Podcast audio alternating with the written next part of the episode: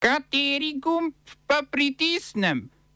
Tisti, na katerem piše OF. Finska premijeka in predsednik podprla članstvo Finske v NATO. Šrilanško sodišče nekdanjemu premijeju Mahindi Rajapaksi prepovedalo zapustiti državo. Vlada za direktorja javne agencije za raziskovalno dejavnost imenovala Mitjo Lajnščaka. V APR Krofu znana razdelitev in imena 15 od 19 ministerskih resorjev nove vlade.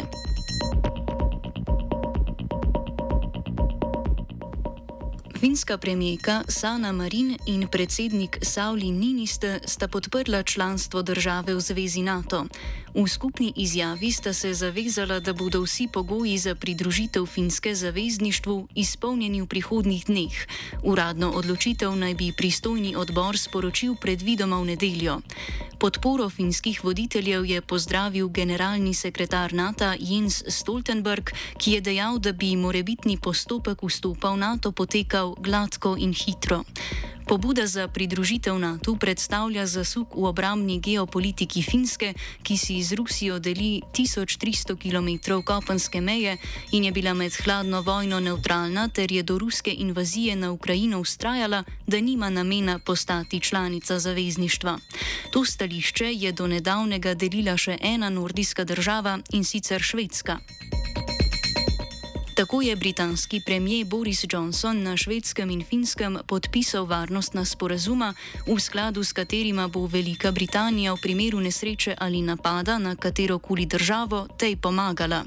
Sporazum, ki sta ga podpisala švedska premijejka Magdalena Anderson in finski predsednik Sauli Ninisto, vključuje tudi okrepitev izmenjave obveščevalnih podatkov ter pospešitev skupnih vojaških usposabljanj, vaj in namestitev vojaških enot. Švedska in Finska z Združenim kraljestvom sicer varnostno sodelujeta tudi v okviru večnacionalne skupine za varnost na območju Severnega Atlantika in Baltskega morja. Širitvi NATO na vzhod, zlasti njegove meje, ostro nasprotuje Rusija. V odzivu je tiskovni predsednik Kremlja Dimitrij Peskov izjavil, da bi vstop Finske v NATO pomenil grožnjo Rusiji.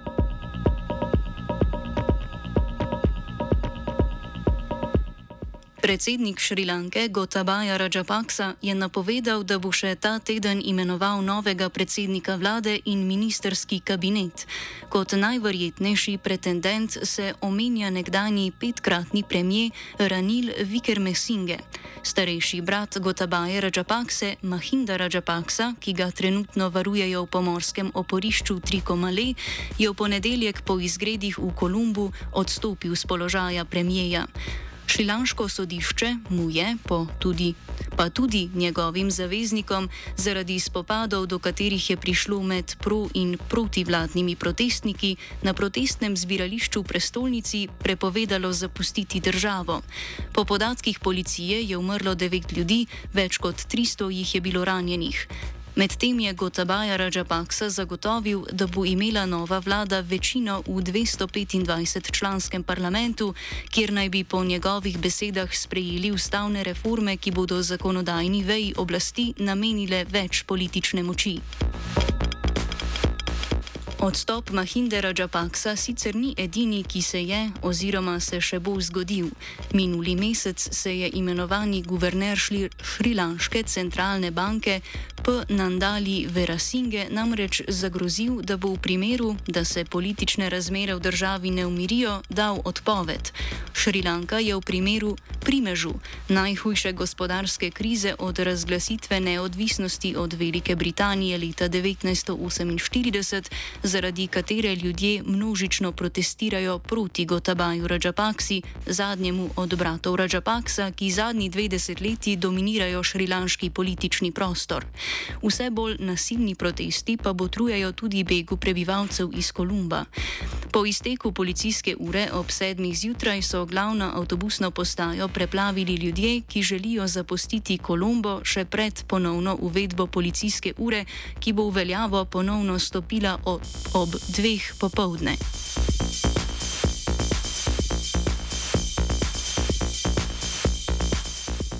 V Berlinu poteka srečanje G7. Udeležil se ga je tudi ukrajinski zunani minister Dimitro Kuleba, ki je ob robu obiska dejal, da Ukrajina želi imeti rezervirano mesto v Evropski uniji, tudi če bi postopki za pridružitev 27-terici trajala dlje. Francoski predsednik Emmanuel Macron je opozoril, da bi to lahko trajalo desetletja in predlagal oblikovanje nove evropske politične skupnosti, ki bi vključevala nekatere države nečlanice članice Unije, dejimo Ukrajino in Veliko Britanijo. Predsednica Evropske komisije Ursula von der Leyen je prejšnji teden sicer napovedala, da si svoje mnenje glede članstva Ukrajine prizadevajo predstaviti junija. Če bo mnenje komisije pozitivno, bi Ukrajina lahko pridobila status kandidatke za članstvo v EU, ki pa zahteva soglasje vseh 27 članic Unije. Šele na to se lahko začnejo pristopna pogajanja za članstvo v EU.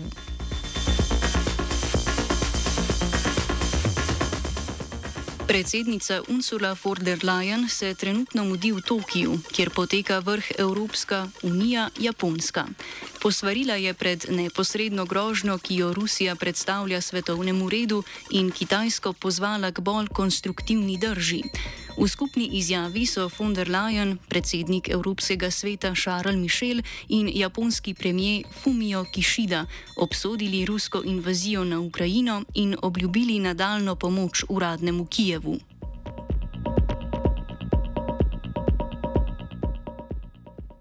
Oba, če, če bom odgovoril na angliški. Slovenija bo poskušala pomagati. Slovenija bo naredila naš utmost, da bo rekla, da je situacija naš problem, ourselves.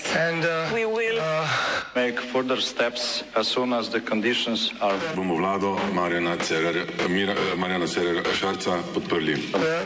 zelo, zelo resno. Slovenija. We know how and we will. Ob 8 uri in 35 minut sta v kemični tovarni v Melaminu v središču Kočevja izbruhnila močna eksplozija in požar. Po podatkih Uprave za zaščito in reševanje je poškodovanih več kot 20 ljudi, od tega pet huje. Štiri oziroma pet oseb še pogrešajo. Po besedah direktorja Melamina Srečka Štefančiča je verjetnost, da so preživele zelo majhna. Vzrok eksplozije še ni znan. Nesreča se je zgodila na pretakališču, kamor je prišla cisterna snovjo, ki jo je pripeljal zunani izvajalec.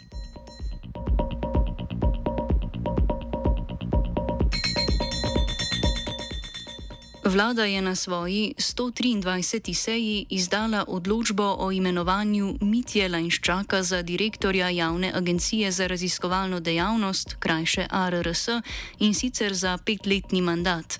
Lajnščak je deloval kot vršilec dolžnosti direktorja ARRS, potem ko je Robert Repnik decembra lani iz zdravstvenih razlogov odstopil z položaja. Upravni odbor agencije je za vršilko dolžnosti na to predlagal Lidijo Tičar Padar, vendar se vlada s predlogom ni strinjala.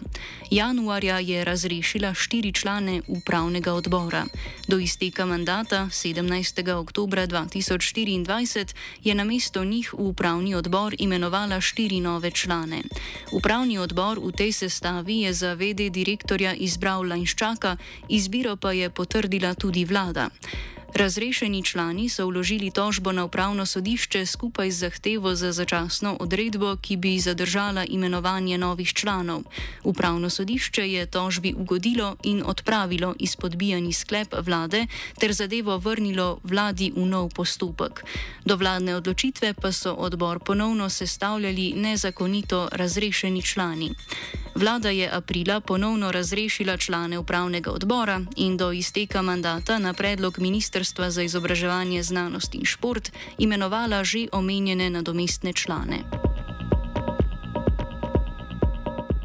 Na isti seji je vlada imenovala člane upravnega odbora javnega raziskovalnega zavoda Rudolfovo, znanstveno in tehnološko središče Novo mesto.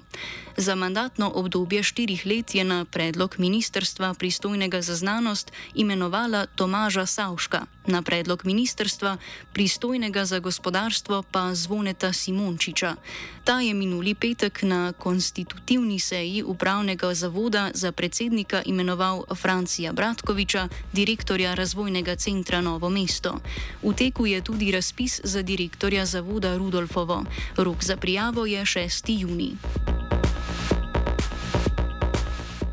In še ena zadnjih bizark poslavljajoče se oblasti. Vlada je razglasila, da se 17. maja v Sloveniji obeležuje kot nacionalni dan spomina na žrtve komunističnega nasilja. OF je pripravil Fabian.